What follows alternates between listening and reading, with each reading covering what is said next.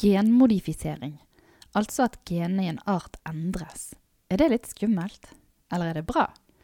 Anna Vergelius ved Havforskningsinstituttet forsker på genredigering i laks ved hjelp av en ganske ny metode kalt CRISPR. Dette er Tekfisk, podkasten om teknologi og forskning i sjømatnæringen. Jeg heter Camilla Odland, og snart skal du få høre hvorfor Anna Vergelius har troen på genredigering. Men først en kort melding fra vår annonsør. Bioretur tilbyr slamløsningen Fish Sludge Recovery System, FRS. Alle anleggene tilfredsstiller miljøkravene, er modulære og kan tilpasses lokasjon og behov for alle landbaserte oppdrettsanlegg. Bioretur tror at bærekraftige sirkulære løsninger blir stadig viktigere i omdømmearbeidet til fiskeoppdrett. Gå inn på nettsiden bioretur.no for å lese mer. Anna Vergelius, hvorfor mener du genredigering kan være bra? Jo, Eh, man kan ju använda det till, framförallt då i det området som vi jobbar med, uh, med, med, produktion av mat och produktion av fisk, så kan det ju användas till att göra en mer bärkraftig produktion av mat. Det vill säga att uh, till exempel i det området vi jobbar med så kan vi, ser det ut som att vi kanske kan göra fisken steril med den här metoden och då kan vi bruka de här fiskarna till beskyttade vilda populationer av lax. Man kan också bruka den här metoden till att laga sjukdomsresistens Eh, Eh, och då kan man ju minska det sjukdomstrycket som är på den vilda fisken som bor runt uppdrättsanläggena. Um, ehm, så att det, det, finns många applikationer inom vårt fält där den teoretiskt sett kunde blivit brukt. Um, men också förstås så kan vi bruka den i forskningen till att förstå hur fisken fungerar och därmed laga bättre produktionsprotokoll. Så att för oss är det mest forskningen, men det är, finns en möjlighet att bruka det uh, för näringen om folket vill. Ja, om folket vil, sier du. For det er en del som er skeptisk til dette, å endre genene i en art. Hvorfor tror du man är skeptisk till det? Ja, alltså det är ju rent olika synsvinklar, etiska också, och också att man inte känner till hur det går till. Eh, så vi har lagt ett väldigt fokus på att vara ute och förmedla hur den teknologin eh, fungerar. För den teknologin som vi arbetar med, nu, CRISPR, den den har ju den, den, den funktionen att den är så väldigt specifik, att du kan göra förändringar som, sker som inte kan skiljas från naturliga förändringar du har i avl. Man kan däremot framskynda alv, så du kan bruka genetisk variation som är gunstig för uppdrättslaxen, men som då bara finns till exempel i vilda populationer och flytta den in på en mycket kortare period. Eh, så det är det att den skiljer sig, den metoden, från tidigare metoder som där man använde mer så kallad transgen teknologi, det flyttet gener mellan dyr. Och som kanske var lite mer etiskt på något du flyttar gener mellan dyr än att du flyttar om lite i den arten du arbetar med. Eh, och, och, ehm, och du kan inte skilja de förändringarna egentligen från det som man har, får uppkomma i avl. Ja, för vad gör ni egentligen när ni brukar den här metoden CRISPR? Alltså vi har ju mest gjort det som man kallar för att slå ut gener, knockout-gener, alltså vi tar väck eh, ett genprodukt och så ser vi hur eh, fisken klarar sig utan det proteinet. Då. Eh, och det är mest grundforskning för att förstå hur fisken fungerar, men vi har också lagd steril fisk med denna metoden. Och den sterila laxen som ni lagar här, hur långt har ni kommit på det projektet? Vi har lite, vi har eh, två olika projekt som går, går eh, på den eh, fisken. Vi har ett projekt som går över fyra år nu, där vi ska se på välfärden.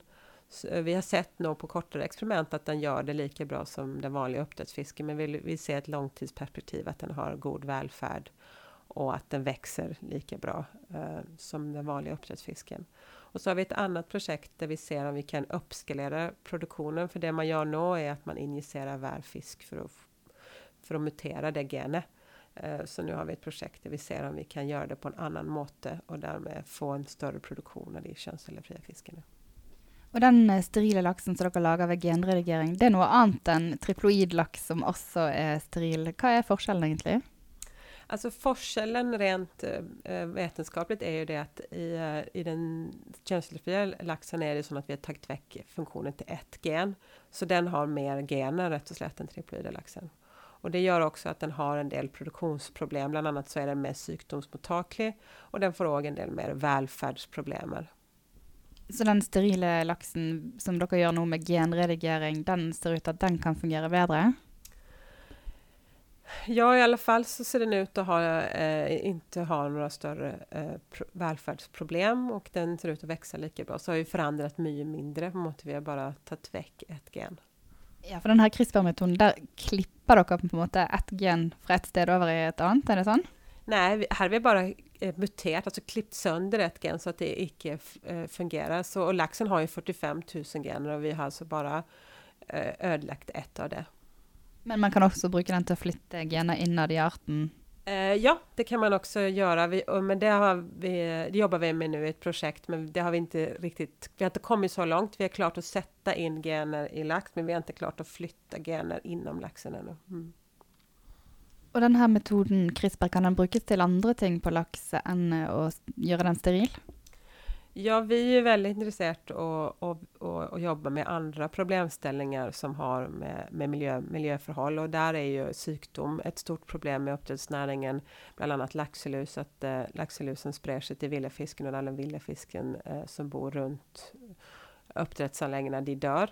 Eh, så där eh, kan man ju bruka teoretiskt sett den här metoden till att göra, eh, förbättra sjukdomsresistensen till uppdrättsfisken och då får du mindre sjukdom runt omkring uppdrättsanläggningen och de vilda fiskarna får det bättre. Och hur långt undan är det att kunna göra något sånt? Vi är ganska långt undan det, för det är att eh, vi, vi tycker att eh, Visst man ska gå vidare med det här så må vi få den här eh, sterila fiskmetodologin till att fungera så bra att visst man ska göra de typer av genmodifieringarna så må man ha en 100% steril produktion. Så, men vi, vi vill gärna in och forska på sjukdomsresistens. Men ser du någon etiska problemställningar med att bruka den här metoden genredigering?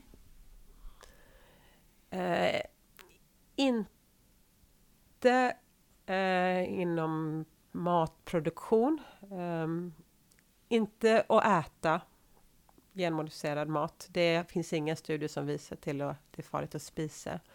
Men att man kan se lite på den uh, möjligheten för vad det, vad det har om, om de här genetiska förändringarna som man har lagat sprer sig in i vilda populationer och sprer sig okontrollerat. Där må man ha, ha lite mer kontroll eh, och kanske bruka sterila organismer när man jobbar med det här för att förhindra. Eh, för där vet vi ännu inte vad vad en effekt av att sprä genetiska modifieringar ut, ut i naturen. Ja, for Bioteknologirådet de mener genteknologiloven bör ändras och bland annat det ska bli enklare att genomföra den här typen eh, genredigering. Är du eh, enig i att man bör göra det? Ja, jag tycker jag är enig i det.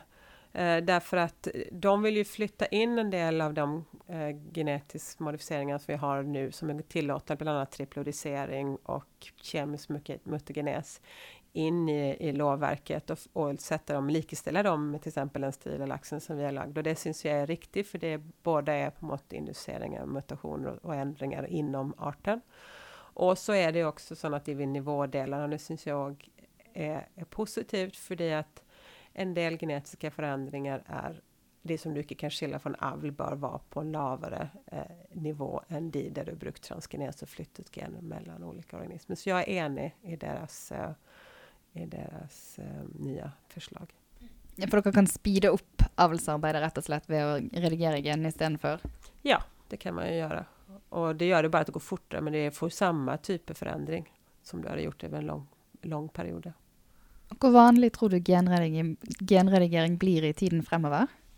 Jag tror att i forskningsöjemed så blir det ju väldigt, väldigt vanligt och det är ju redan väldigt vanligt. För visst du vill ställa grundläggande spörsmål om den arten du jobbar med så är det ett helt unikt verktyg. För då ändligen så kan du gå in och funktionellt studera gener i den arten som du arbetar i. Men sen så tror jag att den kommer komma eh, i bruk. Speciellt i medicinsk forskning kommer den säkert komma fortast till bruk för där är det en fantastisk möjlighet att kanske kurera en del sjukdomar. Men också i matproduktion. Eh, till exempel så har det lagat den sjukdomsresistenta grisen och, eh, som gör att det är mycket bättre välfärd eh, och mindre, mindre kostnader för vaccinering i, kommer kunna bli i grisindustrin. Och jag tror det kan bli liknande eh, inom laxindustrin. Visst vi lyckas med, med att göra fisken steril. Okej, okay, tusen tack ska du ha. Tack.